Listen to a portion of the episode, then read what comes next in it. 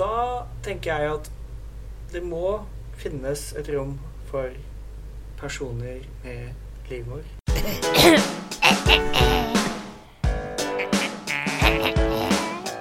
Herre Jemini og jøye bøye, nå har jeg savna dere fælt, altså.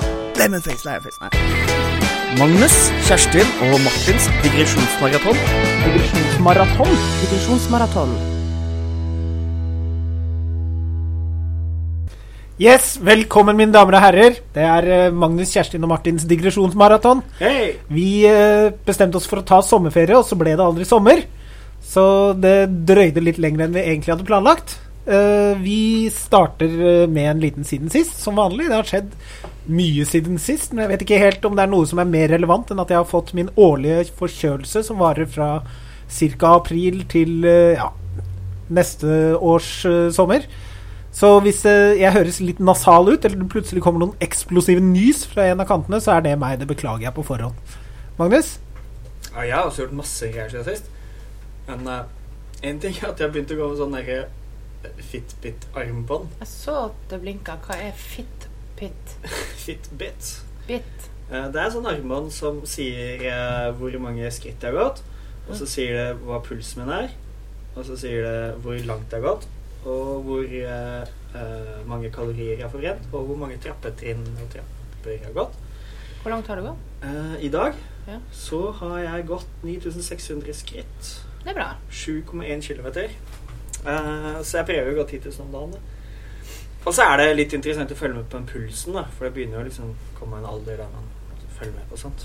Hæ? Og, ja, så, Skal man følge med på pulsen sin? ja, hva er hvilepulsen din? Nå er du liksom Det er jo med hvor god form man er frisk og rask. Og jeg hadde i forrige uke, da jeg hadde tre innleveringer på tre dager Jeg skulle skrive tre oppgaver på 10 000 tegn hver. Da gikk pulsen i taket. Da var jeg også hos legen, og så tok jeg sjekka pulsen og sa er det, er du veldig stressa om Hans? Eh, ja. ja. Mm, da kommer du kom tilbake om et par uker, så skal vi se på pulsen din igjen. For da var den så høy at vi mente at det var grunn for å kikke på det. Så så gammel begynner han å bli, altså. Yes. Så nå går jeg og følger med, da. Ligger liksom på hva hvilepulsen er. Ja, Ja, hva, hva, hva er den? Nei, eh, hvilepulsen min nå ligger vel på sånn 71 til rundt der. Og det er ganske ålreit. Det er Da har du kobla den opp mot noe sånn der Ja, eh, ja. Endomondo eller Jeg kobla den opp til eh, sånt program på, på PC-en og på mobilen. Så da får jeg sånn melding om om eh, Oi, oi, nå er det for høy puls. Nei, det er mer sånn at jeg får For så er jeg på sånne challenge med mine venner på eh, Fitbit. Som hvem som går flest skritt i løpet av en dag, og hvem det er sånn. Kommer det noe alarm hvis du dør? Nei, ikke så dør. Ikke, ikke, ikke. Men jeg får sånn hvis jeg har gått 10 000 skritt, så begynner det sånn å vibrere og sier sånn yeah! Eh, Så vibrerer. Og så bruker jeg som vekkerklokke, og så måler jeg Hæ? hvor lenge jeg sover. Hvordan kan du bruke den svekkerklokke? Jo, fordi den begynner å vibrere sånn ville helvete. Hvis jeg setter på klokka åtte om morgenen, så bare. Så i stedet for at, den, yes. at det piper og hyler i uh, Ja. mobilen, så bare rister den i hånda mi.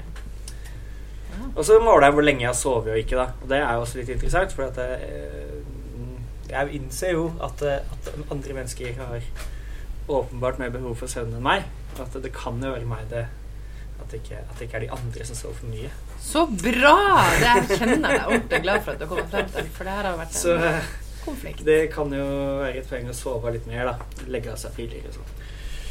Så da Men eh, nei, det er ganske interessant. Eh, og så er det sånn klokke Jeg har ikke gått med klokke på 1000 år, jeg har bare brukt eh, mobiltelefon. Men nå er det jo veldig Det å kunne kikke på armleddet og se hva klokka er, det er jo helt vilt. Alt de finner på. Alt de finner på. Før så var det opp, i, liksom, opp med mobiltelefonen og skru den på. Og så, ja. Men uh, det er altså mulig å ha en tidsviser bare på, arm, på eh, rundt armleddet.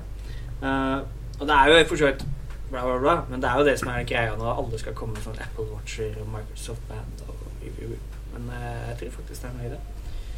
Ja. Kjerstin? Ja, jeg, jeg, det har skjedd veldig mye i mitt liv eh, de siste månedene. Men jeg har annet slutta å røyke. Uh. Det er da ti uker nå eh, i morgen. Mm. Du slutta tvert, eller? Jeg slutta tvert. Uh, mandag 10. august. Og så brukte jeg en spray, en nikotinspray, som var en slags munnspray man tar i kjeften som var ekstremt ubehagelig. Det, først kjentes det bare ut som det er sånn eh, mentol, og så klør det og svir i halsen, kjeften. Det var veldig ubehagelig. Men man fikk jo nikotindosen sin, da. Eh, men det er jo ikke noe man blir avhengig av, fordi den var jo ikke noe god. Så jeg gjorde det. Det var et rent eh, personlig helvete i to uker. Uh, på de to ukene så var jeg faktisk på intet mindre enn tre festivaler. Og jeg synes det var ganske bra gjort. Uh, og så var det plutselig over. Så var det bare sånn Oi, det gikk jo greit. Og siden da har det gått veldig, veldig fint. Jeg Nå husker fremdeles når mora mi slutta å røyke Når jeg var sånn kanskje fem, eller noe sånt. Og hun var så pisse jævlig sur i en periode på Ja. en uke eller to. Det, det, det, Ja, for jeg prøvde nemlig minne, nemlig å liksom. slutte å røyke i juni, og da prøvde jeg det i ti timer eller noe sånt. Nei, ja, det var tolv timer ble det. Da hadde jeg lyst til å ta tak i skjegget på kompisen min og dunke panna hans i bordet fordi han brukte for lang tid på å komme på, til poeng. Altså, han gjorde ingenting. Det var ikke hans feil. Så det gikk ikke. Men, eh, men med den nikotinsprayen så slapp jeg liksom den der eh, aggresjonsgreia. Den, liksom, den på en måte feida bare ut. da så, så det har vært veldig greit. Um, og det, nå er det litt sånn rart å se andre folk røyke. Sånn, Herregud, vet jo faen. Det går fort. Det gikk veldig fort. Men er, å eh. Jeg slutta å røyke i 2009. Men så ble jeg dratt inn på ville veier av min ekskjæreste og begynte å røyke hver gang det var selskapelig lag. Ja. Men uh, det er derfor jeg alltid har trodd at du røykte hele tida, for vi bare treffes Ja. i festlige ja, ja. Det, Men, uh, men uh, ja, det, var, det er liksom Ja, ja, her, ja. ja, ja. Jeg å røyke inn her. Men altså, jeg røykte altså en 20, min, minimum en 20-pakning om dagen i 23 år. Det er ganske lenge. Altså. Uh, og nå nå er alle sånn herre Ja, ja, kjenner du hvor mye bedre form du er i, og bla, bla. Men- Men, men altså, det der har jo vært mitt problem bestandig. Jeg har aldri følt meg i dårlig form. Jeg har aldri hatt røykehoste. Jeg har aldri hatt noen konsekvenser av den røykinga mi, enda så jeg har røykt. Som til irritasjon for mine ikke-røykende venner som jeg, liksom, jeg har stått og venta på når vi har gått på tur, og sånn, fordi de peser ned i bakken. Stått med siggen i kjeften og bare 'come on'.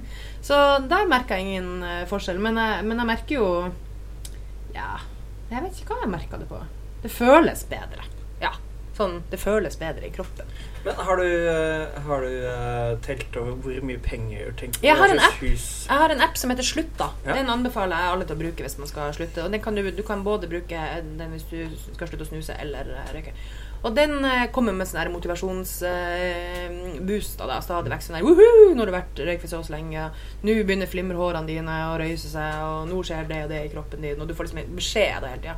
Så kan du gå inn på noe som heter konsekvenskroppen, og se hva liksom, de forskjellige eh, greiene gjør. Og så står det da hele tiden en sånn teller som du har vært røykfri i så og så mange dager, så og så mange minutter og så og så mange sekunder.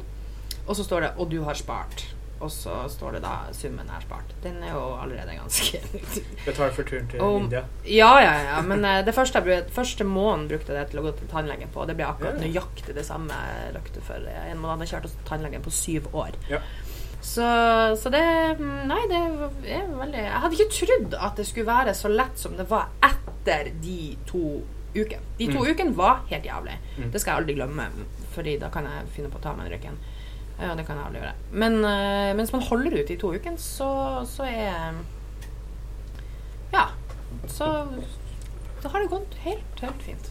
Jeg kunne ikke falt meg inn og gjøre det. Men jeg har ikke blitt sånn eh, anti-anti-røyker. Og tilbudet til og med Martin å få lov å røyke inne hvis han ville. når han kom. Jeg driver jo og er nå ved der at jeg skal slutte å snuse etter hvert. Jeg har gjort et par uh, forsøk som har gått dårlig. Og da har jeg brukt både nikotintyggis og nikotinplaster og i det hele tatt. Hva? Ikke tygg tyggis. Ikke tygg tyggis? Nei, faen. Og ja, du, du får spaner av å høre folk tygge tyggis. Men uh, jeg skal, jeg skal. Jeg lover. Bare sånn ikke akkurat helt ennå. Nei. Kan legge på sånn bakgrunnsstøy på sendinga med sånn tygge, tygge, tyggegummitygging. Det blir mellomstikkene på hver greie. Ja.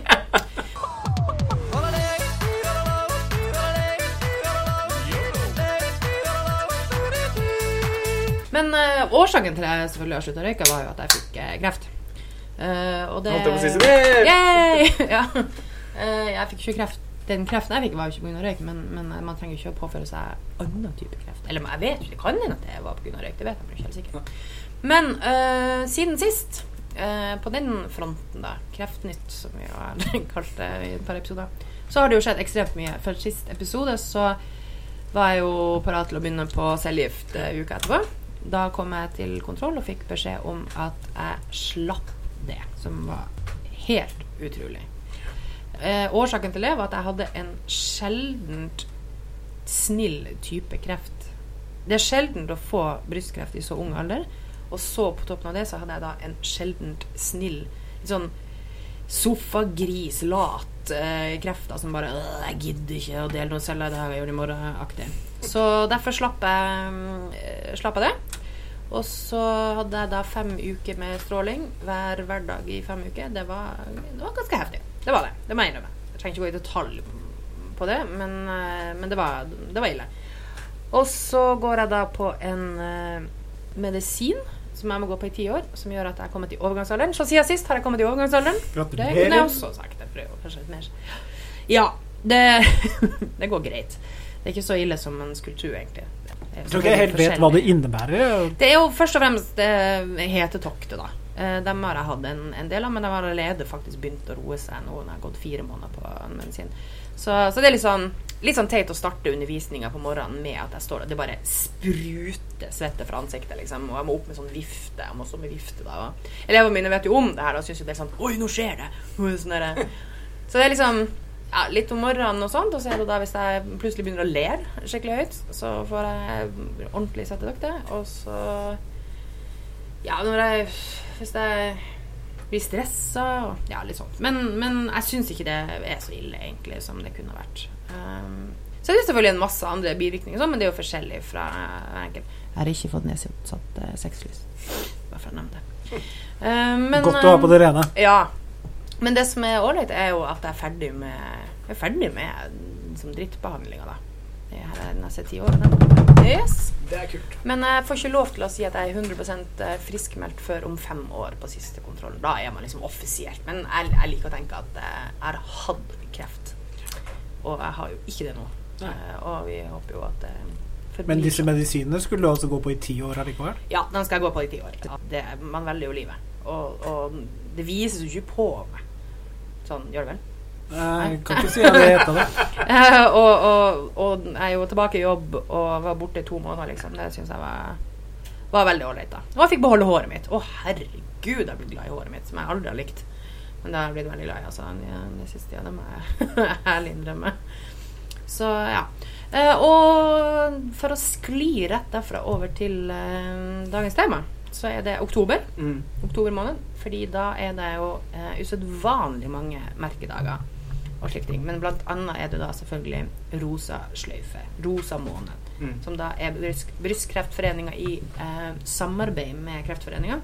Som har fokus på brystkreft i hele oktober. Det har sikkert skjedd sånne der, um, forskjellige butikker og sånt som har uh, veldig mye sånn rosa greier overalt. Um, der de uh, også samler inn mye penger til uh, til Brystkreftforeninga og, og Kreftforeninga.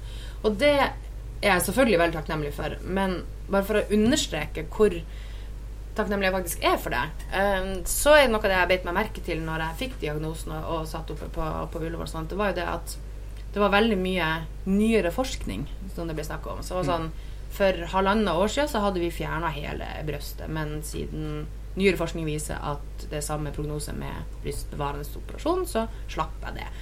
Og de som må fjerne hele brøstet, de går jo i tre til fire år og venter på ny pupp. da. Mm. Og det er ganske lenge å gå og liksom bli påminnet konstant hele tida. Jeg ser Tror ikke jeg har gått i fire år og venta på ny pupp så langt. Hæ? Du har, ikke, du har ikke prøvd det, nei? Jeg har ikke måttet gå i fire år Nei. og vente på ny pupp, nei. Nei, ja, sånn. Uh, men jeg er jo veldig veldig glad for at jeg slapp det. da For, for min del så vises det jo faktisk Mm. omtrent ikke. Eller jeg har liksom et arr. Um, og så var det sånn Ja, du har litt spredning til eh, noen av lymfene, men eh, Og for ett år siden så ville vi ha fjerna samtlige lymfer i armhula, som hadde forhold til masse biv, sånn her eh, lymfødem og dritt og sånn elefantarm og helvete. Men nå trengte jeg ikke det. Det tok meg det med stråling og og så videre og så videre. En ting som var litt kjipt, var at for et halvt år så ville jeg gått fem år på den medisinen, og ikke ti. Men samtidig tenker jeg jo, jo, men ti år er mer sikkert. Så det er jo bra. Men poenget er i hvert fall at nyere forskning nyere forskning er liksom det som gikk igjen hele tida. Og det, fra bare ett år til et annet så er det faktisk ganske store forskjeller. Og det er jo på grunn av eh, mye av den innsamlinga til kreftforskning som blir gjort. da. Ja. Så det er jo en liten sånn shout-out til ja, Brystkreftforeninga, Kreftforeninga og bl.a. Geir Evenskjell Ringvold, som er min kompis i Tromsø, som gjør en formidabel jobb hvert år og får samla inn. Han gruser jo innsamlingsaksjoner med, med sitt engasjement. Så eh, en applaus til han, vil jeg faktisk eh, Og alle han jobber med, selvfølgelig. Men Hva dere har å si om eh, Menn kan jo òg få brystkreft. nei, jeg syns Er dere redd for det? Hmm? Pleier du å sjekke brystene dine? Nope. Nei? Gjør ikke det, altså. Aldri gjort det?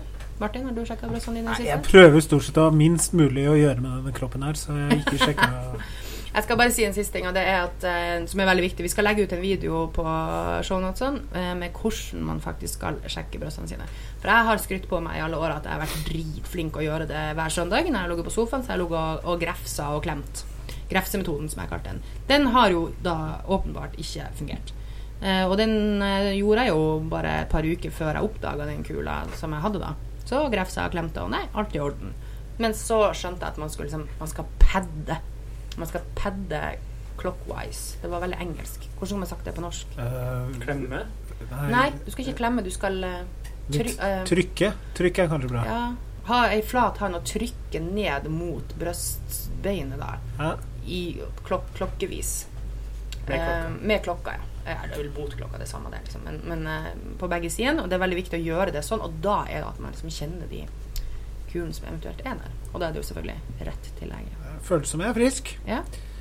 Men uh, en ting det, det første som slår meg når jeg tenker på sånn uh, awareness-kampanjer for brystkreft, det er den der greia som skjer hvert eneste år, hvor folk driver og poster sånn herre på sofaen med Jeg skal, jeg skal, bo, jeg skal bo i India i 17 måneder. Så det er helt Eh, Jeg har brukt puppene mine for å slippe unna parkeringsbot. Nei, å, den beste er den der. Jeg liker å smøre meg inn i et eller annet greier, gå inn i en sovepose og ligge på gulvet og let, late som at jeg er en brus, brunsnegle.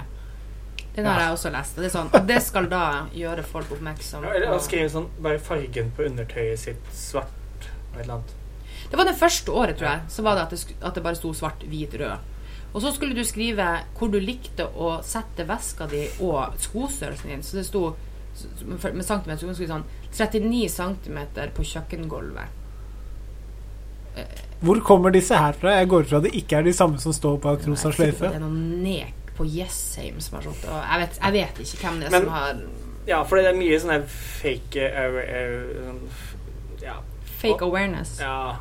Og det er også noe som jeg har litt sånn problemer med, alle de rosa greiene, den rosa vasking som man kaller det. ikke sant? At det, nå skal vi gjøre amerikansk fotball kvinnevennlig, så alle spiller i rosa.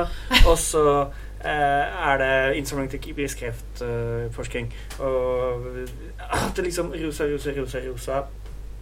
Og så er litt sånn Som i utgangspunktet vel var en farge som ble lagd til, til gutte, altså Ja, det var mange, og... mange snakka om at det var en sånn uh, veldig vital farge, og mer sånn mandig og sånn.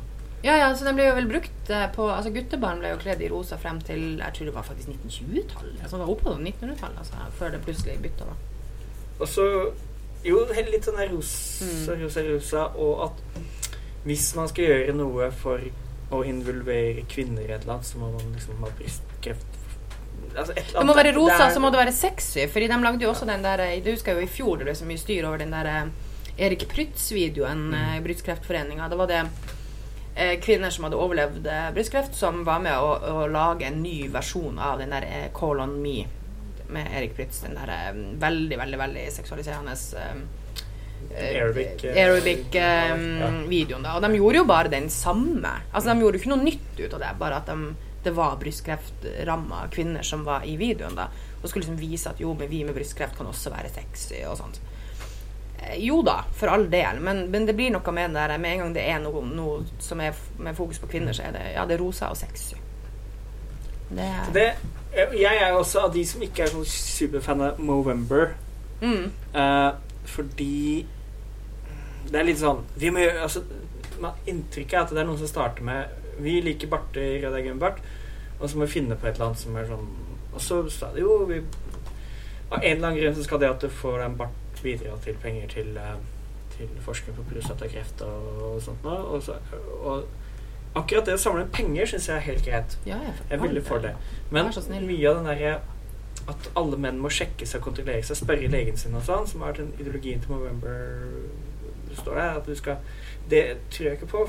Hvis man går til legen med jevne mellomrom og tar de sjekkene og de kontrollene man skal, så går det greit for menn. Du må og med prostatakreft og kreft og Hva er det andre, da? Oljekreft.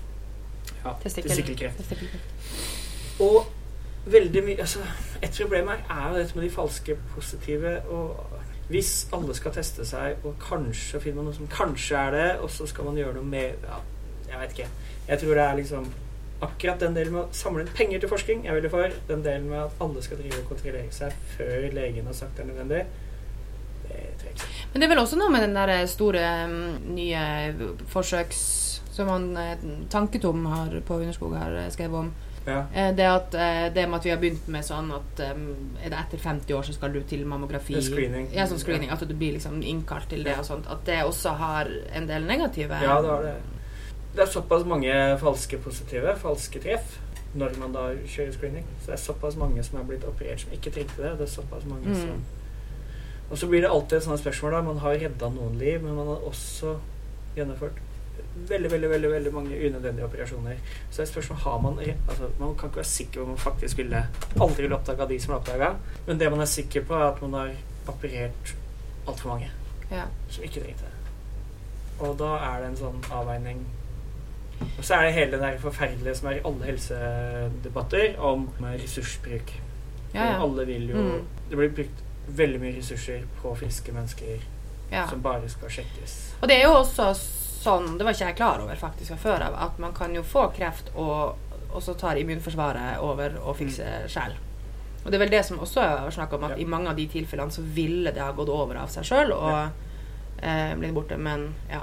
Så det er et veldig Jeg syns det er veldig komplisert, da. Og, og derfor så syns jeg ofte at en del sånne der kampanjer for å liksom gjøre folk mer oppmerksom på noe, eller race awareness ja. Så kan, ja, ok, kan vi si til folk Snakk med legen din. Mm. Be om Og sjekk deg sjøl. Ja. Sjekk deg selv, for det kan man jo faktisk gjøre ganske Jeg var ikke i tvil når jeg oppdaga det. Det var ikke sånn at jeg lurte på om det var ei kul. Liksom. Det var jo sånn Oi, der er det. Jaggu. Jeg vet ikke om jeg er habil til å sjekke min egen prostata, altså, men uh... Ja, det skal jeg sikkert. Du kan jo Det står alltid sånn få, Gjør det sjøl, eller få en partner til å hjelpe deg, står det Ja. i serien. Guidene. Så ja, bare- det, altså, Det, det, det er hyggeligere å få en partner til å, å sjekke brystene enn å sjekke prostata. Det, altså det rent mekaniske ved det tror jeg ikke er problematisk. Det å stikke en finger opp i rumpa er myk nok til å få til, men det å bedømme resultatet er liksom hva er det? Ja, ja, ja. Det? Skal det være sånn? Nei. Ja, nei, det, Men, eh, men oktober er jo da rosa sløyfe-måneden. Mm. Men det er jo Det drukner kanskje litt i forhold til alle de andre dagene og merkedagene vi har. ja. For der har vi eh, Det er veldig mye rart som er i oktober i tillegg. I dag så er det jo den 16. oktober, og vet dere hva slags dag det er? Mm, nei. Det er verdens brøddag. Eh, det er også verdens eh, Hva da? Som i altså bakt brød? Eller Ja, det er jo kanskje brød som i ja, brystkreftmåned, kanskje? Eller eh, brødskreft? ja. Eh, Men altså, b verdens brøddag. Ja. Ja, hva gjør man på verdens brøddag? Jeg har spist brød i dag. Har dere spist brød i dag? Mm -hmm. Nei. Jo. Jeg har. Det er også verdens matvaredag. Så det er både Jeg har spist matvarer. Og, jeg har spist matvarer. Ja, men vi har jo markert um, dagen her bra så langt. 1. oktober var den internasjonale musikkdagen. Ja vel? Og så 14. oktober Det var den internasjonale eggdagen. Eggdagen! eggdagen, ja. Eh, Jeg trodde det var i påska, liksom. fredag i oktober som er eggdag.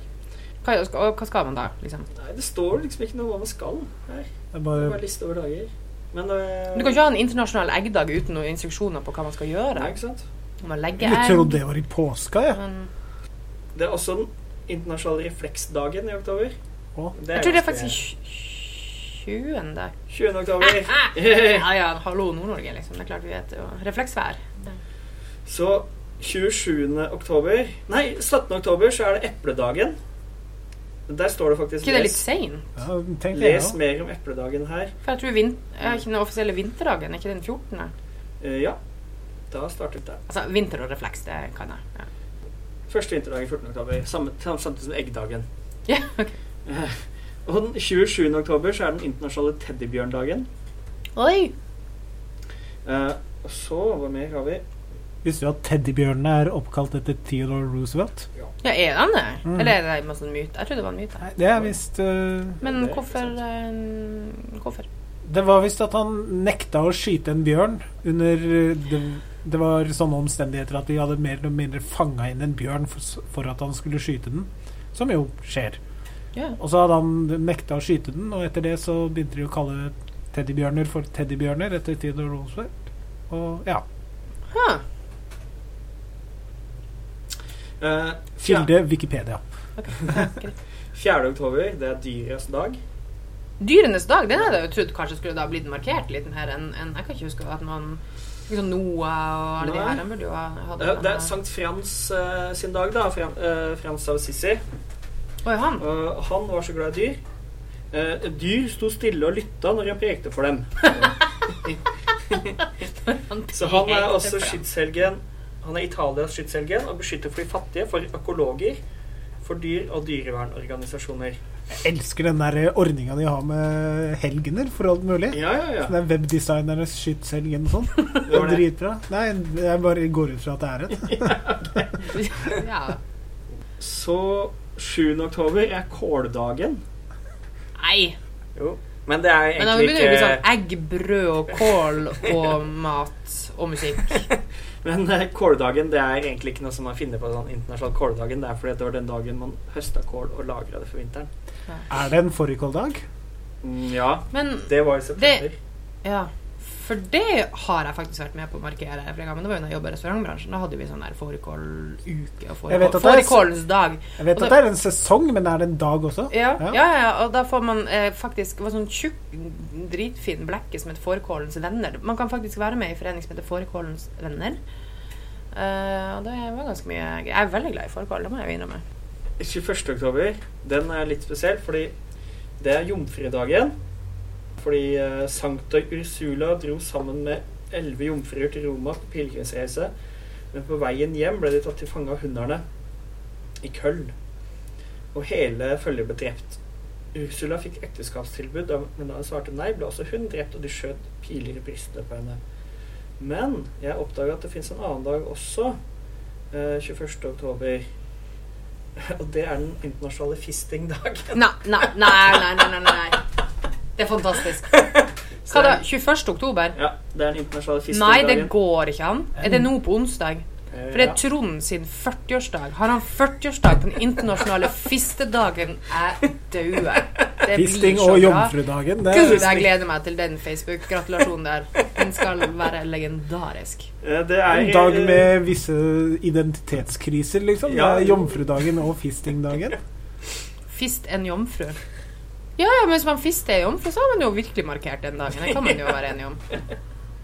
Nei, det er Ja, jeg har egentlig Den dukka kun opp på én nettside, den internasjonale fistingdagen. Så jeg vet ikke hvor offisielt det er, men det, den er i hvert fall med i Fins det en fistingfestival? Ja. Så har jo FN har jo masse sånne dager. Uh, og uh, den 5. oktober, hva er det for noe?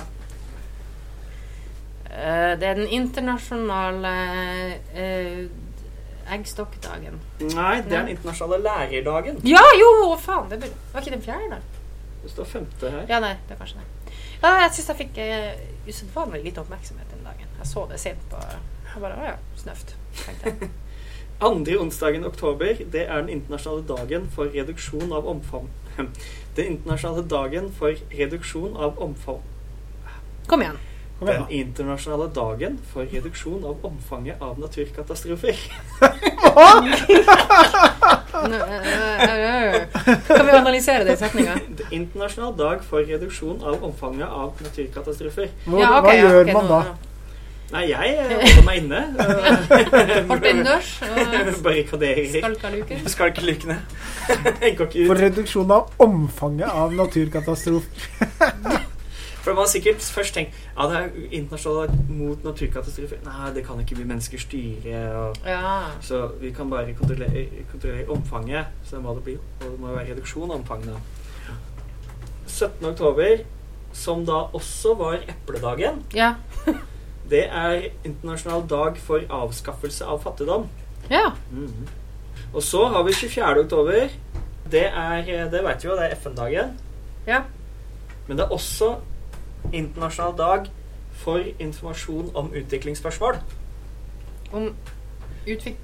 Det er jo, vi OD-dagen er 24. oktober. Ja, nettopp. Jeg skulle si eh, ja. Er Operasjon? Dagsverk. Jo. Jo, eller nei, nei, det er siste torsdagen i oktober. Ja. Så den varierer jo faktisk. Men så har du jo Dignity Day. Ja, det er det nye som har tatt over 24. oktober. Ja, eller 22.-24., som er den kronprinsen sin Ja. eh, sitt opplegg, da. Ja, Hva syns du om det? Jeg så noen lærere som er veldig kritiske. Ja, men grunnen til at vi, altså, lærere er kritiske til sånne ting, det er jo ikke fordi vi er kritiske til at man skal ha fokus på, på verdighet og sånne ting. Det er det at det begynner å bli så jævlig mange greier som skal som, altså, som vi, For vi er jo pålagt å gjøre noe med det. Altså, Ja. det er ikke frivillig om vi har lyst til å gjøre noe på Sånn som på ungdomsskolen hos oss er det jo frivillig om vi vil markere FN-dagen eller ikke. Vi, altså, det er jo teit om vi ikke nevner det, liksom, men, men vi må ikke ha et opplegg. Men det må vi på eh, da blant annet Dignity Day. Så det er, jeg tror, fistingdag. har Ja. ja, det skal jeg legge Ja, det er jo på nå. Ja, vi skal Nei, uff. Um, men eh, så jeg tror det, grunnen til at folk elsker det, er nok en, Mm. nok en dag som går bort. eh, for det er jo noe som politikerne snakker veldig lite om. Det er jo hvor lite undervisning vi nesten Altså vi faktisk har i løpet av et år. Av alle de spesielle dagene de spesielle tingene og, og vi på, altså, som skal gjøres. eh, som gjør at man, man mister faget sitt. da så jeg tror nok det er mye derfor. Men jeg, altså, jeg, jeg syns det er veldig bra opplegg i utgangspunktet, men det er veldig sånn fritt. Det er sånn, ja, dere skal bare ha en verdighet. Jaha, på hvordan skal vi gjøre det? Nei, da kan dere finne her noen mål i kunnskapsskolen. De skal skjønne hva verdighet er, og ha fokus på det, liksom. Men egentlig, en veldig bra blogg ville vært å markere alle sånne dager. Det er jo flere Oi. for hver dato, er jo liksom litt Jo, av da, må, ja, men da kan vi gjøre begge deler. Så både må ha den internasjonale sånn- Jeg kan ikke være med ut i kveld, for at i morgen er det fire merkedager. Så jeg kan skrive jævla mye. Jo, men det hadde jo faktisk vært en Ja. veldig bra vlogg. Sånn, eh, jeg markerer eggdagen i dag. altså, eller uh, Ja Gjør det, Magnus! Ja. Det syns jeg du skal gjøre. Begynn 1. januar. Da har, der har du årsprosjektet ditt, liksom. Og så må du markere alle dagene ganske sånn ordentlig, da. Jeg tror, jeg tror Hvis du skal komme ut av det her i livet, så tror jeg du må droppe de katolske helgendagene. Altså, ellers så blir det Men hvis eggedagen og fistedagen hadde vært på samme, så kunne man liksom Kunne du jo putta et egg opp i, i rumpa. Og, hvis, og i tillegg da kunne ha sjekka prostata mi. Du kan jo komme liksom kombinere sånn Hadde du tort å ha et rått egg oppi rumpa? et rått egg Ja? Som var knekt. Nei, nei, ikke knekt. Helt. Altså et helt rått egg oppi rumpa, fordi Og så, nys nyser du. Jeg mener, altså, ikke sånn, Jeg tror ikke altså, klarte å knuse det med liksom Jo, det er klart at du klarte å knuse et egg med anus. Dette tok en veldig rar vending eh, plutselig. Jo, men, man, jo, men det hadde man nå vel. Det er vanskelig nok å klemme et egg med handa. Er det? Ja. Hæ? Det er jo bare hvis du har likt trykk fra alle sider. Hvis du, Jo, men du må hvis du tar to fingre på hver side, så går det jo ganske enkelt. Altså Hæ? Du kan ikke holde et egg og så klemme Jeg det. liker å tenke at jeg ville klart å knuse et egg med vagina, f.eks. Jeg har jo ikke lyst til å finne det ut, fordi at jeg vil ikke ha eggeskall oppi der, liksom. Eh, Men- Nei, men- altså, jeg tror eh, Hæ? um, Hvis du kakler mot Altså, det er jo lett å Men det er jo, ja, det er jo laga for å sånn, liksom ja. bli har du, Hønene er ganske De er ganske trang.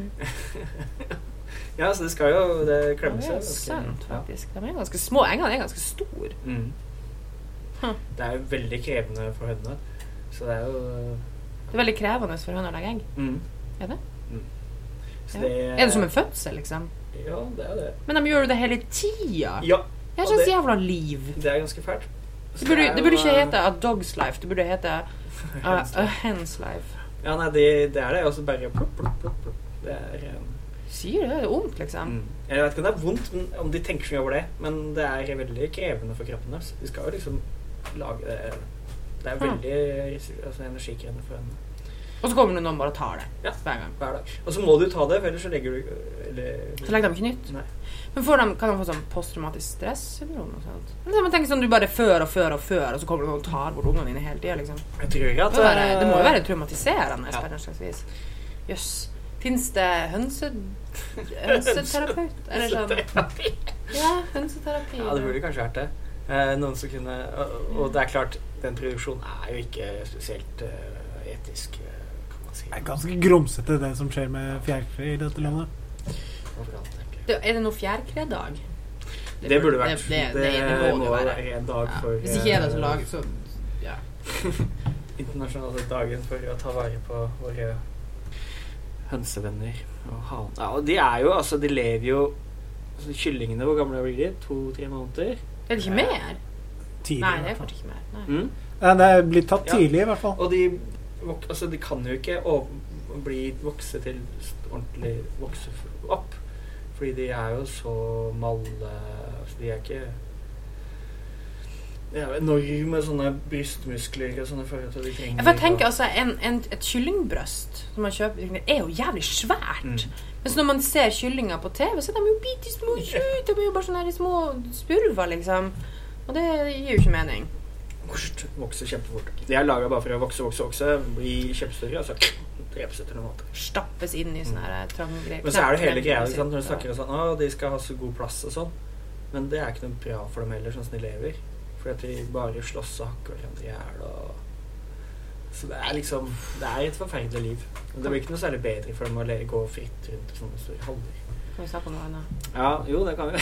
Uff, jeg blir lei meg. Uh, nei, jeg tror Altså, det er jo da som sagt Du, du har jo glemt en kjempeviktig, da. Ja, hvilken var det? Du har jo glemt halloween. Ja! Ja, ja, det sto på den første Hallo, lista mi. Ja. Hallo, venn-dagen. Hallo, venn. Jeg har ikke hørt det? Nei. Det er de der barnevern... Jeg vet det? Barnevakten. Og de kristne barnekulturorganisasjonene. Familie og kultur og det til familie Aha.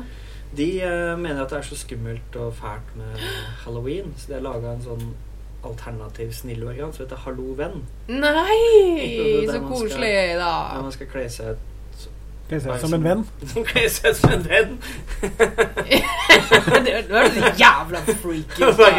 Hva har du aldri sett en venn for? Nei, men uansett hvor jævla ekkelt er det ikke kommer å være sånn imitere en venn. Så jeg kledde meg ut som en venn. Jeg er egentlig ikke en venn, men jeg kledde meg ut som en venn i dag. Bare fortell meg alle hemmelighetene dine, du. Jeg skal ikke si det til noen. Dagen for falske venner. Ja, ja, så dagen etterpå så forteller du til alle som bare Ja, men hadde du bare kledd meg ut? Jeg var ikke en ordentlig venn. Tror du vet du ikke hva halloween uh, Nei, for halloween ja. uh, eh, Skal vi se. Ukens kloke ord. Vil du ha en venn? Vær vennlig. Ja. mm. Eh, så halloween det er i hvert fall en sånn her kristen uh, moralsk variant. Eh, Jeg leste en sånn sånn greie på internett. Sånn beste kostyme på halloween. Da var det en, en guttunge som hadde ringt på sånn lenge etter at de andre ungene hadde vært der. Og liksom, var, Halloween var jo egentlig over, og sånn, for liksom åpna opp. Og han var liksom bare kledd helt i rødt, liksom. Så bare Jeg var i USA da, så bare ja, Hæ, men liksom Hvordan kom det Så bare yeah, um, I'm your period. Sorry I'm late.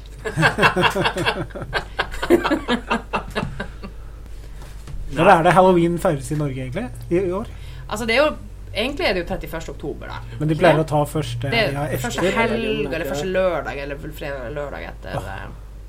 Jeg eller håper at jeg ikke er alenepappa den helga. ja, åssen er det med Må du ut og gå på døgnet? Det er det jeg frykter, da.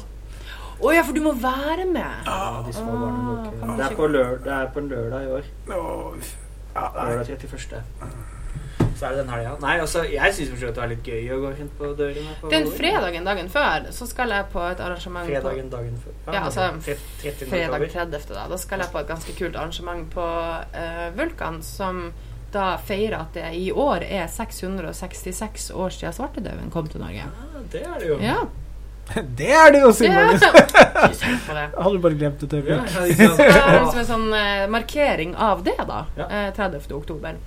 Så det tror jeg kan bli ganske gøy. Det er diverse mm, suspekte band som skal spille, og så skal det være noe foredrag om svartedauden og litt sånt. da. Så, og var det ikke et eller annet tilfelle av noe de mente var en slags Jo, svartedauden fins jo fremdeles. Det er ikke så veldig utbredt. Den eh, sykdommen fins jo. Er 666 år etterpå. Det er, I år så er det også 600 år siden det første oversjøiske europeiske kolonien Jaha. i Afrika. Eh, så det er 600 år siden. Portugal tok Sauta Sauta Ceuta, Ceuta. Sauta eh, kauta. Høres ut som oppe i Finnmark. Sauta Kauta. Eh, Nei, det var i Marokko, er det vel? Eh, C-E-U-T-A. Som er første sånn. Så det er 600 år med europeisk kolonialisme. Kan vi jo feire. Eller markere, eller Men helt på tampen, er det noen merkedager vi gjerne skulle hatt? Tja Internasjonale måsedagen, syns jeg jo. Alle har jo et forhold til måser.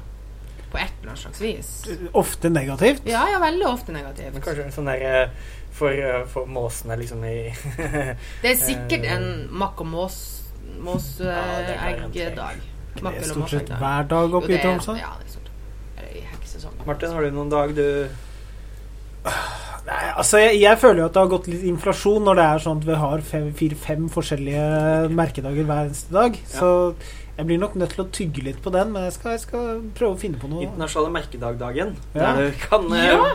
for, for å raise awareness eh, av eh, våre merkedager. Eller, eller kanskje en for lower awareness over alle disse dagene. Nei, altså, jeg tenker jo uh, at det, det måtte vært for å hedre ting som man ikke Som du sier, måsene trenger en dag, ikke sant? Ja, stakkars. Det blir noe hata hele året. Men Det en dag der de blir verdsatt. men det hadde vært sånn fint med sånn internasjonale eh, forkjølelsesdagen. Eller internasjonale influensadagen. Jeg blir med på den internasjonale forkjølelsesdagen. Ja. Altså. Det, Litt sånn eh, Nei, for, samle penger til forskning. Det er hver gang 'Still no cure for the common cold'. Liksom. Det er Ja, ja. aldri Det er vel for at man skal vel gjerne ha det. Liksom. Er ikke det litt av poenget? Nei, Jeg vet ikke hvorfor Martin må ha det så mye, men det er vel et spesielt med det. da. jeg får det heldigvis ikke så kraftig. Jeg blir ikke sånn slått ut at jeg ikke kan gjøre noe, men jeg går liksom rundt Men det er nesten juks, fordi det er jo det man snufser og nyser i Det er mye verre. åtte måneder i strekk. Fordi da får man ikke lov til å legge seg ned og få masse medlidenhet og bare se på Netflix under dyna, liksom. Ja, nei, når jeg først får manflu, da blir jeg liggende strak. Det er ikke noe Det vil jeg spørsmål. tro. Det gjør alle menn. Men det er kanskje en internasjonal dagen for eh, operativsystemtoleranse. sånn at liksom alle som vanligvis bruker Apple-produkter, må Bruk bruke Windows. Windows. Alle som bruker Windows, må bruke Linux. Oh, er sånn for å liksom lære oss å leve i harmoni med hverandre. Og Ja, det blir, innse- kjempe, det blir en kjempeharmonisk dag. ja, og le, lære seg å liksom se på hverandres styrker og svakheter. Mm. Og det er mitt bidrag til toleransen. Yes, skal vi hoppe videre til spørsmål? Jeg tror vi begynner å bli tom. Ja.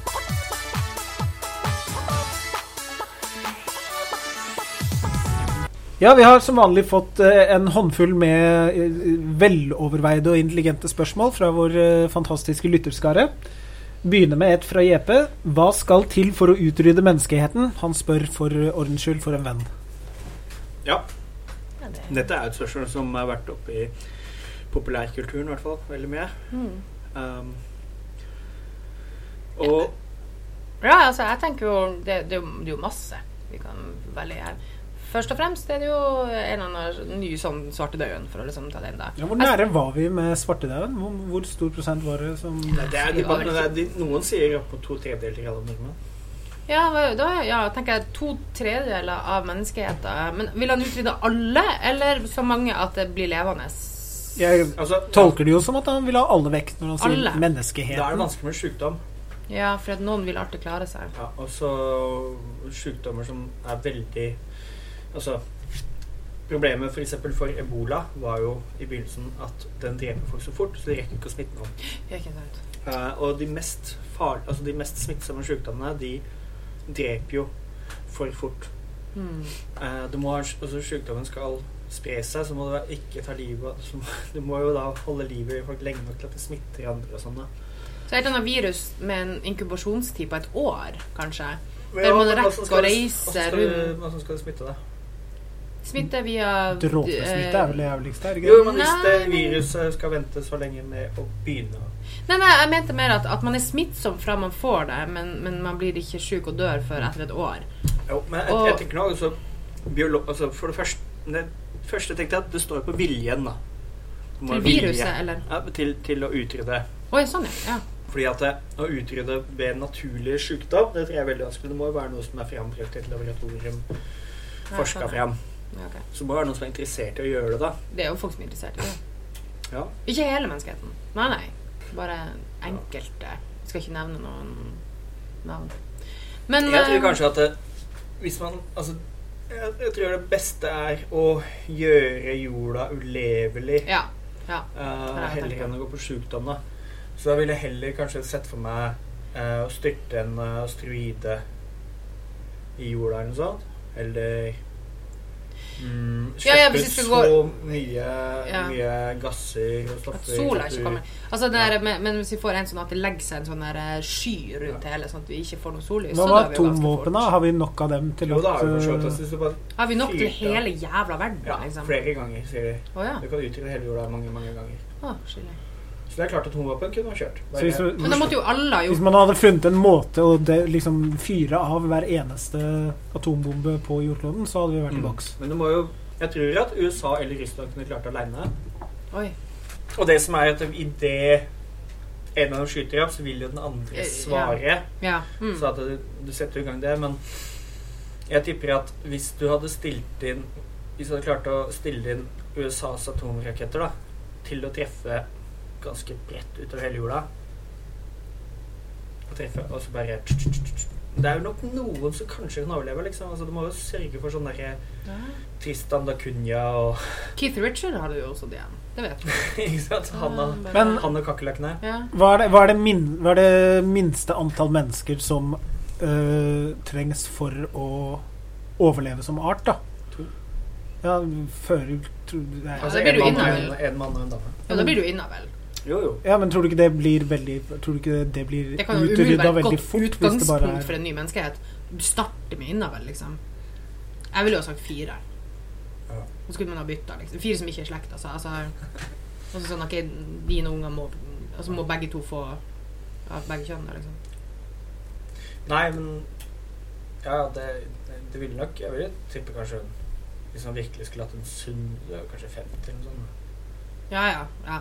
Da vi sta, altså Det er jo ganske liten populasjon vi kom fra i utgangspunktet. Ja. Det er ikke mange som kommer ut fra Afrika. Men jeg har også Jeg så en dokumentar en gang som het noe sånn herre Jeg så også en dokumentar. Å, jeg gjorde det? Ja. Ja. Den het noe sånn uh, Earth Zero eller et eller annet. Jeg husker ikke hva den heter.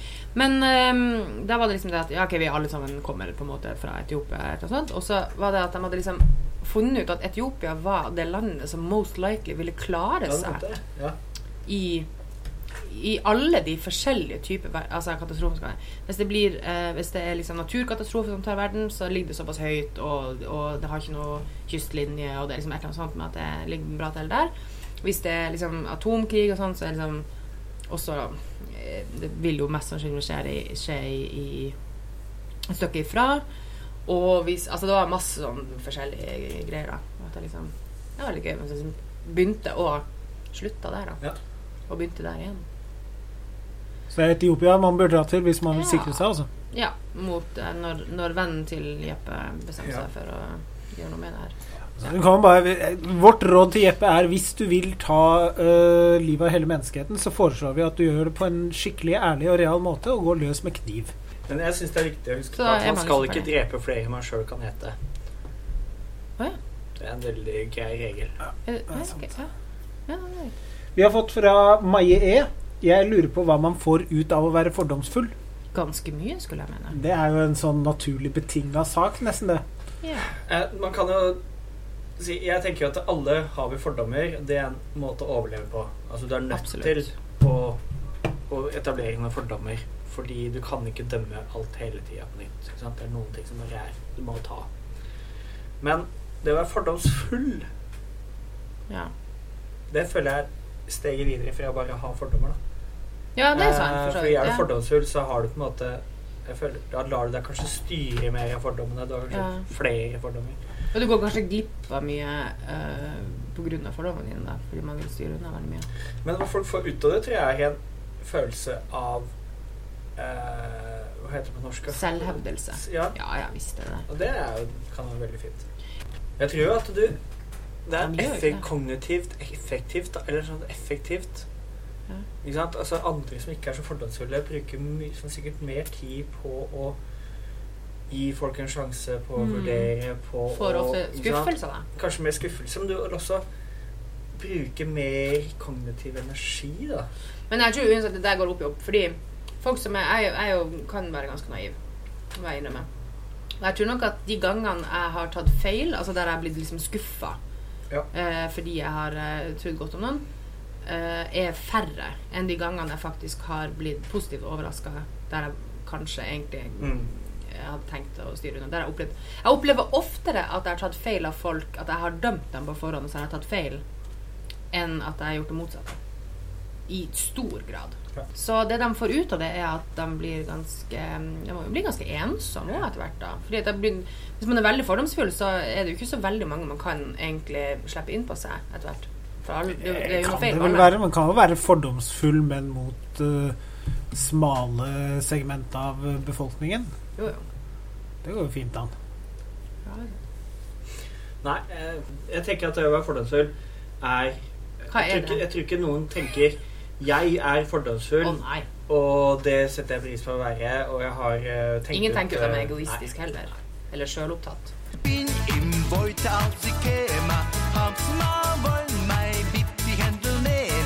Ok, vi hopper videre. Da uh, er det en som jeg egentlig vil ta uh, to spørsmål og balle sammen til ett. Fordi Marit MS spør 'Liv rundt andre stjerner'. Diskuter. Og Der var det en link til en lengre artikkel som vi selvfølgelig ikke har lest. Men uh, den, den hevder å ha en observert en viss sannsynlighet for at noe har blitt bygd av vettige vesener ute i verdensrommet. Mm. Og så kommer da hypnosis opp med Og ikke minst bør vi være redde eller optimistiske dersom vi finner, andre, finner romvesener som er mye mer utviklet enn oss selv. De to eh, hører godt sammen, tenker jeg. Uh, I min trossfære så, er- så uh, er det helt innafor at det finnes noen mer utvikla vesener et eller annet sted i verdensrommet enn det vi selv er. Det jeg syns er litt rart, er det at man tenker at man skal kunne gjenkjenne Mm. liv på en annen planet. Ikke sant? Hvorfor Mm. skulle det se ut som her? Og det, det er sikkert det er masse science fiction som har satt opp det. Ikke sant? Altså at det liksom steinene er levende, eller altså, Ja, sånn, Ikke sant? ja. Altså, det er et eller annet med det. Hva er det Altså, hvorfor skulle det minne om Hvorfor skulle det bygninger vi kunne gjenkjenne som bygninger? Jeg tror i eh, artikkelen her så er det vel mer det at det er gjenkjent som noe som ville vært usannsynlig at skjedde uten at uh, noen okay. har ment noe med det. da. Ok. Nei, igjen så er det jo det. Hva Altså Det er jo veldig vanskelig å si. altså Burde man være bekymra eller ikke? Det kommer da veldig an på om de, er, om de syns at vi er verdt å ta vare på eller ikke. ikke sant? Hvis, hvis det fin, altså, for det, er Nå tenker jeg jo at vi skal treffe dem, da. Uh, og om de er mer intelligente nå, så kan jo at de tenker sånn Sånn som vi gjorde for 600 år siden. Bare 'Å ja, her er fine slaver, dem tar vi'. Fordi de er jo ikke verdt noe. Sånn vi kan bruke dem til det vi vil, f.eks. Um, eller eh, sånne ting. Eller kanskje, de, eh, kanskje har de ikke ondskap i seg, da. Det kan jo hende. Det kan hende at det finnes en annen intelligent form som ikke driver med ondskap og sånne ting. Det er ganske artig I venstresida så mange varianter og ting som har skjedd. Så var det en gruppe som ble kalt posadistene. Etter den eh, argentinske lederen eh, Juan Posadas. Og han De mente da at eh, hvis det fantes et samfunn som var så utvikla at de kunne sende eh, romskip til jorda, Mm. så måtte det være kommunistisk samfunn for, for der det var mulig å ha så høyt utvikla teknologi. Nå, å ja! Så, Som, ok, ja. eh, så, så dermed Så hvis det var eh, sånn ufoer og sånn, så var det kommunister. Så de hadde på forsida av avisa så sto det sånn 'Velkommen, kamerater, rommet ufo-feirer' og sånn. Ja, ja. Eh, Det, det, det vi, vi er de bra folkene. Ja. Ta de andre. og de, eh, det fins en sånn ufo-gruppe i Tyskland som er folk fra den Kommunistisk ufo-gruppe. Ja, ja. Altså. For de mener at hvis det kommer ufoer, så er de kommunister. Det er ganske sikkert. Herlig. Og så husker jeg at det var også en annen sånn kommunistavis som eh, etter den Independence Day For der er det jo aliens som prøver å ta over jorda. Ja, ja. Og da da skrev de at eh, ja, de var enige at eh, hvis det kom romferger som prøvde å ta over jorda på den måten, så var det rett av proletariatet å alliere seg med borgerskapet i kamp mot Mm. romvesenene. Men de mente det var helt usannsynlig at hvis det kom en rominvasjon, at de ville, da, at de ville være liksom så kjipe. Så hvis det skjedde, så var det nok mer sannsynlig at proletariatet skulle alliere seg med romvesenene for å vinne ja. mot, uh, mot borgerskapet, da. Imponerende at de har tenkt så mye over dette. Ja, her. ja, ja. Jeg har lyst på å være på fest med dem. Bare sånn. Og så, jo, så da var det at de syntes liksom Independence Day Ja, hvis romvesenene er så kjipe, så er det korrekt. Da skal alliere oss med liksom USA og sånn. Men sannsynligvis så skal vi gå bak ryggen på imperialistene og liksom jobbe sammen med romvesenene. Jeg skulle jo bare selge en, sende en fyllik opp i et fly og berge oss alle. Som vel er slutten på Independence Day. Spoiler alert. Ja, Tror der jeg de, kanskje- det er ikke, spoiler ja, der de, først. er det ikke der de Er det kan, eh, kan hacke datamaskinene til alienene ved å koble til en Mac? Å ja! Som det ikke er noe problem å stikke Mac, folkens. det, det er liksom bare å stikke en kabel inn i datamaskinen. Klart romvesenet har USB. Så det er liksom, Men jeg tenker jo som så at når vi snakker om eh, romvesener som er mer utviklet enn oss, så må vi jo ta et blikk bakover og se hvordan vi har utviklet oss, da. Og Jeg kjenner at jeg jobber i ungdomsskolen, for det første jeg tenkte når du sa mer utvikla, var større pupper og mensen tidligere. Ja, ok, ja, fortsett. også et interessant scenario. altså romvesener med store pupper og mensen. Ja. Men eh, vi har jo utvikla oss i en stadig mer eh, Hva skal vi si eh, menneskevennlig eh, Ja. retning. Altså, det, det er jo det, det er mindre slavehold, det er mindre eh, vold og krig og mindre kriminalitet og i det hele tatt. Så hvis vi ser for oss at den linja strekker seg videre, så er det jo lett å anta at et høyere utvikla gjeng ville være harmoniske som en bøtte full av buddhaer. Jeg, tr jeg tror nok Stephen Hawking som var ute og snakka om dette ganske nylig. Okay. Eh, nå husker jeg ikke nøyaktig argumentasjonen hans, men det jeg tror han sa, var at Du må si det som han ville altså. hadde hørtes ut. Ellers er det ikke noe artig. Kom igjen.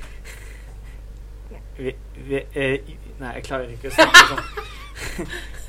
Ikke vær Stephen Hawkins på eh, halloween. Nei. Det- nei. Eh, jo, eh, at eh, hvis det fant altså, Han mente da at det- høyst sannsynlig så var det så Hvis noen kom i kontakt med oss, så var de så høyt utvikla at de ikke brød seg om oss. Altså, de ville være som Maver eller Tang oh, ja, eller eh, liksom At, det, at de, de bare nærmest bare Oi, her er det masse ressurser på ja, alger, De var alger. At de bare Å ja, det, vi kan Eller at vi var sånn krill, da. Krill, krill! Ja, At de bare, krill. bare, at de bare Ja. Fordi vi var så Kanskje kunne de bruke oss til, til eh, eh, altså bensin? Altså Ja. brennstoff, liksom. Ja. Eller sånn som i Matrix, der de robotene bare bruker oss som batterier. Ja, det er det de gjør. Ja. Uh, det. Det er klart, altså Det er en sånn at de Vi, vi ser for oss liksom vi skal møte noen på sånn cirka samme nivå, ja. men hvorfor Men litt, hva, litt smartere enn oss. Ja, ikke sant? Men hva om de er bare så Ja. Og i, i Interstellar, som vi snakka om Den har jeg drømt om i natt. Ja. Jævlig stressende å drømme om den. Helvete hvor jeg sleit. Ja. Der er jo de uh, romvesenene så intelligente at de, de kan reise gjennom tid og rom Mm. og eh, dimensjonene. Og bokhylle. Og, da, ja, og bokhyller. Og dermed så er det jo liksom altså, Hva kan vi snakke med dem om, da? Hva er det de kan Ja, jeg, Jeg tror Hawking sa noe sånt som at hvis vi fikk kontakt Eller skjønte at det fantes uh, fremmed liv, liv på en annen planet, så burde vi bare Becka Ja, Ikke sant? Ja. Hva det? Ja.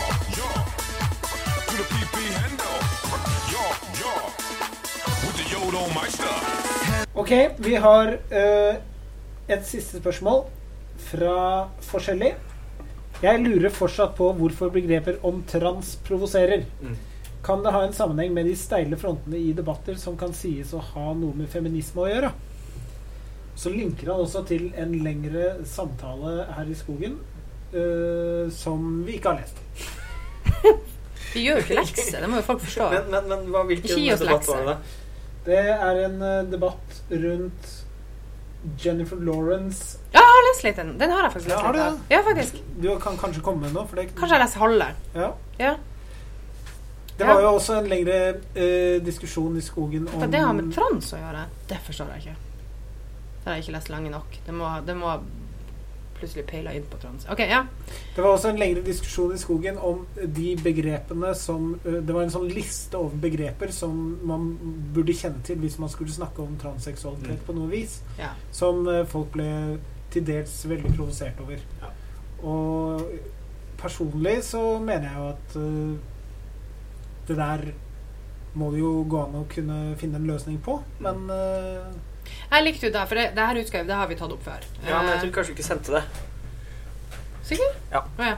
Men uansett, da syns jeg i hvert fall at eh, For å hoppe rett til konklusjonen vi hadde da, eh, var jo egentlig litt det du sa, Magnus. Du sa det at eh, Ja, Ja. fordi det som er litt skummelt nå, er at vi gjør usynlige alle de Altså, det er et eller annet som skjer ved at hvis du er en veldig maskulin kvinne, så er du kanskje egentlig en transmann. Ikke sant? Hvis du er en Mm. veldig feminin mann, så er du kanskje egentlig en transkvinne. Men det du, det du kanskje mister, da, er muligheten til å være mann og kvinne på alle mulige måter. Fordi man gjør det litt sånn Er du en maskulin lesbisk kvinne, så er du egentlig ikke kvinne. ja, ikke sant? For da er du egentlig en mann i en kvinnekropp. Men det du kanskje egentlig er, er bare en kvinne som er maskulin.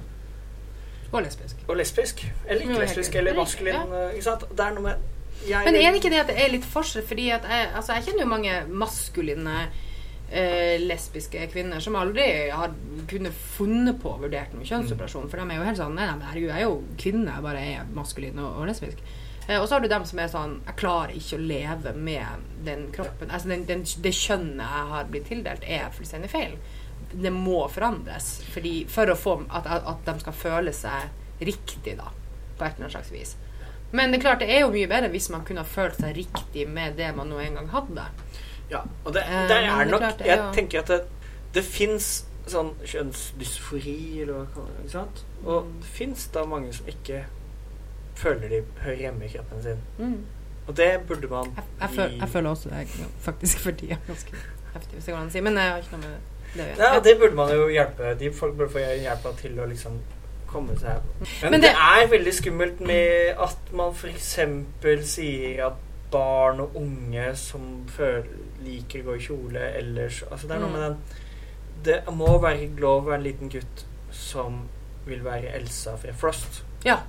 Uten at det betyr at han har lyst til å bli jente, eller at han skal liksom Nettopp. jente. Det er vel egentlig det forskjellige spør om. Han sier jo 'Jeg forstår ikke hvorfor begrepet trans enda, altså provoserer'. Men jeg vet ikke om han mener beg, altså at, at begrep altså at, man, at folk ikke liker at man bruker begrepet trans.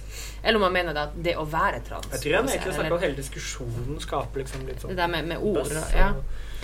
Men, Fordi det er kjempevanskelig. Fordi at jeg Man blir litt engstelig for å vi har, vi har, kan man si vi har kommet et stykke. Vi Mm. har det. det. Det er jo flere og flere sånne fedre som legger ut video av, av sønnen sin som da har lyst til å være uh, rødhette. Eh, hvordan var det? Nei, dattera hadde lyst til å være ulven. Og, og ville at faren skulle være rødhette. Så bare ja vel, da blir det sånn. Ikke sant? Og så, ja, det er en del sånne eh, Best Daddy of the Year-aktige greier. da jeg, synes, jeg tror mye av det er litt sånn publikumsfrieri, da. Men det er noe så. Men uansett, vi kommer jo lenger og lenger, og jeg merker jo også på elevene mine at de er mye mye, mye mer tolerante og syns ikke det er rart at noen kan føle seg fra Eller vil være noe annet. Så er jeg mer sånn Å ja, ok, ja, men da får de gjøre det. det vi, vi kommer jo mye lenger, så kanskje kommer vi en dag der dere ikke provoserer i det hele tatt. Da, Men det som er kanskje vanskelig, da, er jo at det fins f.eks. en god del ting som er til for kvinner. mm, Eh, Ja. Si at du har en diskusjonsgruppe for kvinner som er utsatt for overgrep. mm, La oss si. Og så i den gruppa så vil noen kanskje snakke om uh, reproduksjon og seksuell uh, Altså om, om det. Og så vil noen si Ja, men jeg er jo kvinne, men jeg har ikke en uh, livmor fordi jeg er Ja, ikke sant? Jeg er en kvinne uten livmor. Så jeg syns det er litt ekskluderende at dere i denne kvinnegruppa snakker om det. Da tenker jeg at det må finnes et rom for personer med livmor. Kvinner, da. Faktisk. Stort sett. Og snakke om det. Og si at dette er en kvinnesak. Det jeg peker på, er at det, det fins enkelte ja.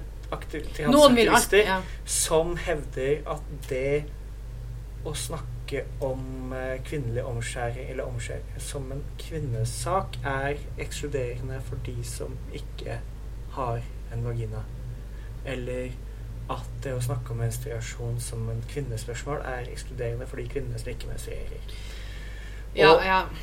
det her Det som er problemet, er at i toleransens navn så utraderer man kvinners uh, plass. For det er veldig sjelden du hører om det andre veien, da. Det er veldig, veldig sjelden du hører om mannsrom som der man blir utfordra på at nei, det er ikke alle menn som har eh, penis og testikler, så derfor så er det ekskluderende å snakke om det. Mm. Og det å gjøre kjønn kun Altså, jeg vil jo helst gjøre kjønn til en rein biologisk ting. Mm. Altså at de tinga som skildres biologisk, er kjønn. Alt annet er bare åssen vi mennesker er. Men hvis man skal gjøre kjønn til en veldig identitetsfaktor og til noe man kan velge å være, men at det biologiske er helt uinteressant, så skaper man et problem der det finnes faktiske biologiske forskjeller. Wow. Ja. Og da blir det trøblete, ikke sant? For jeg mener jo faktisk at altså Det blir sånn Det var en diskusjon om en kvinnelig MMA-fighter. Eller transkvinne som var med i MMA som mixed martial arts. Og i utgangspunktet tenker man da Ok, det tenk, er det rettferdig at en mann som er, kvinne, er kvinne, eh, men med en mannskropp, slåss med kvinner? ja. Og så er det da det at hans behandling av hans og alt det har gjort at testosteronnivå og muskel- og beinstyrke og muskelnivå er lavere, og at han da er på mer på linje med kvinner. Sant? Så, ok.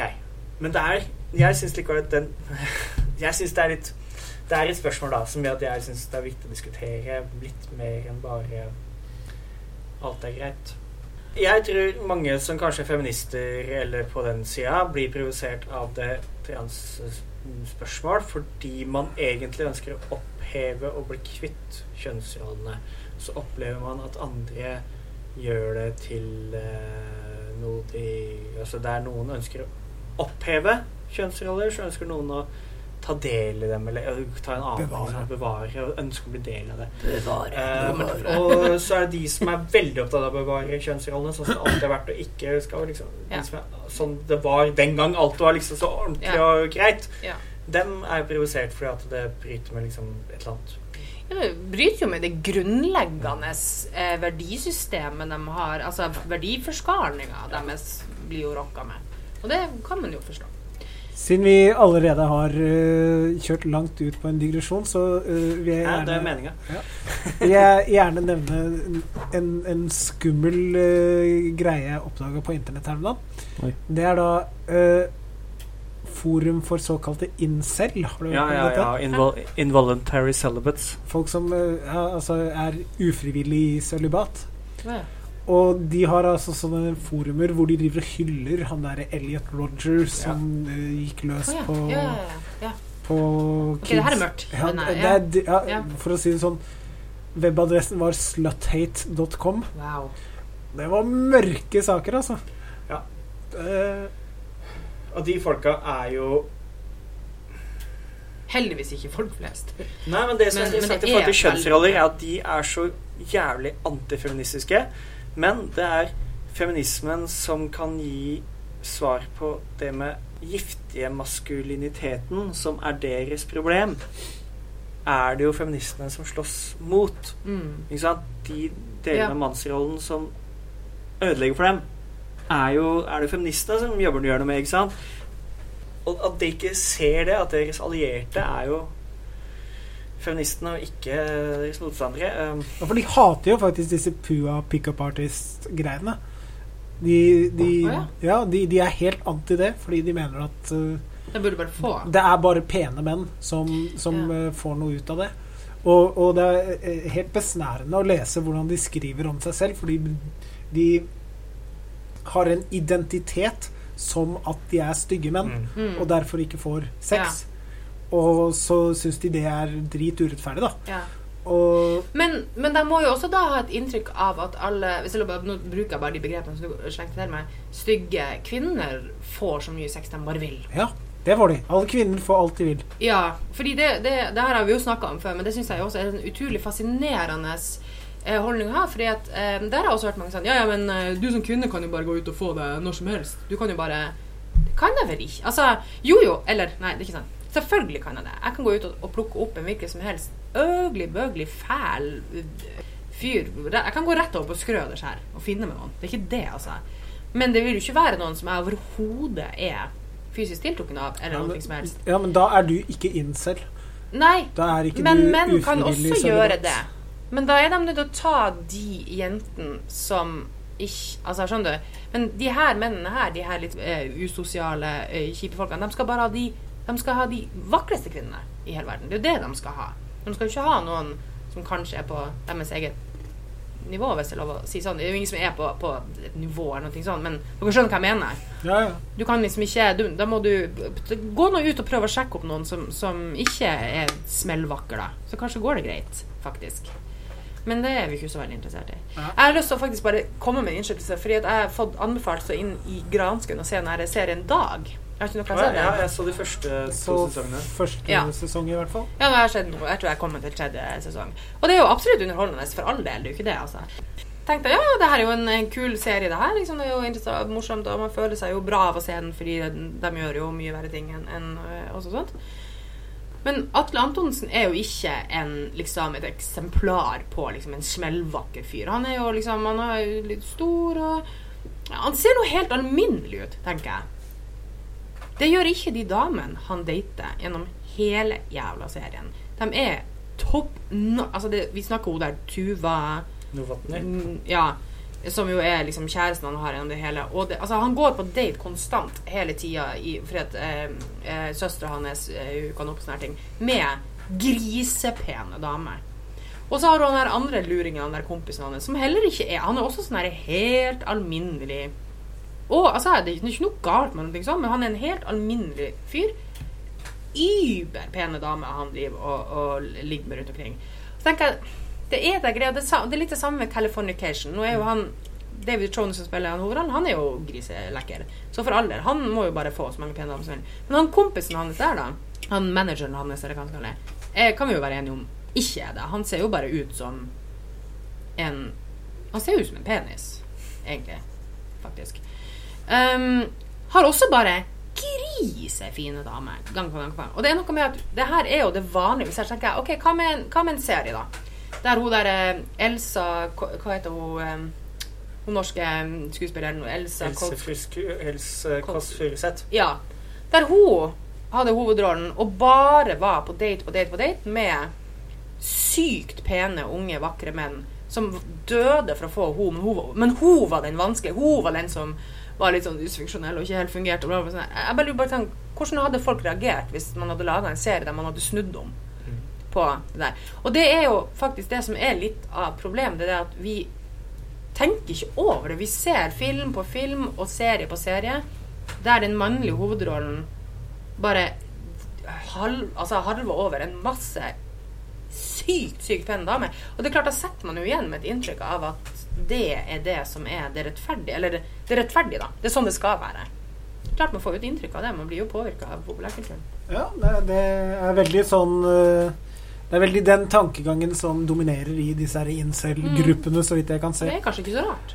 Men- Nå har vi klart å rote oss veldig langt bort i forhold til hvor vi starta, og det er egentlig da en ganske bra timer på at det er på tide å avrunde. Så det er eh, takk for oss fra meg og Magnus og Kjerstin. Takk for Takk, oss. takk. Hei då.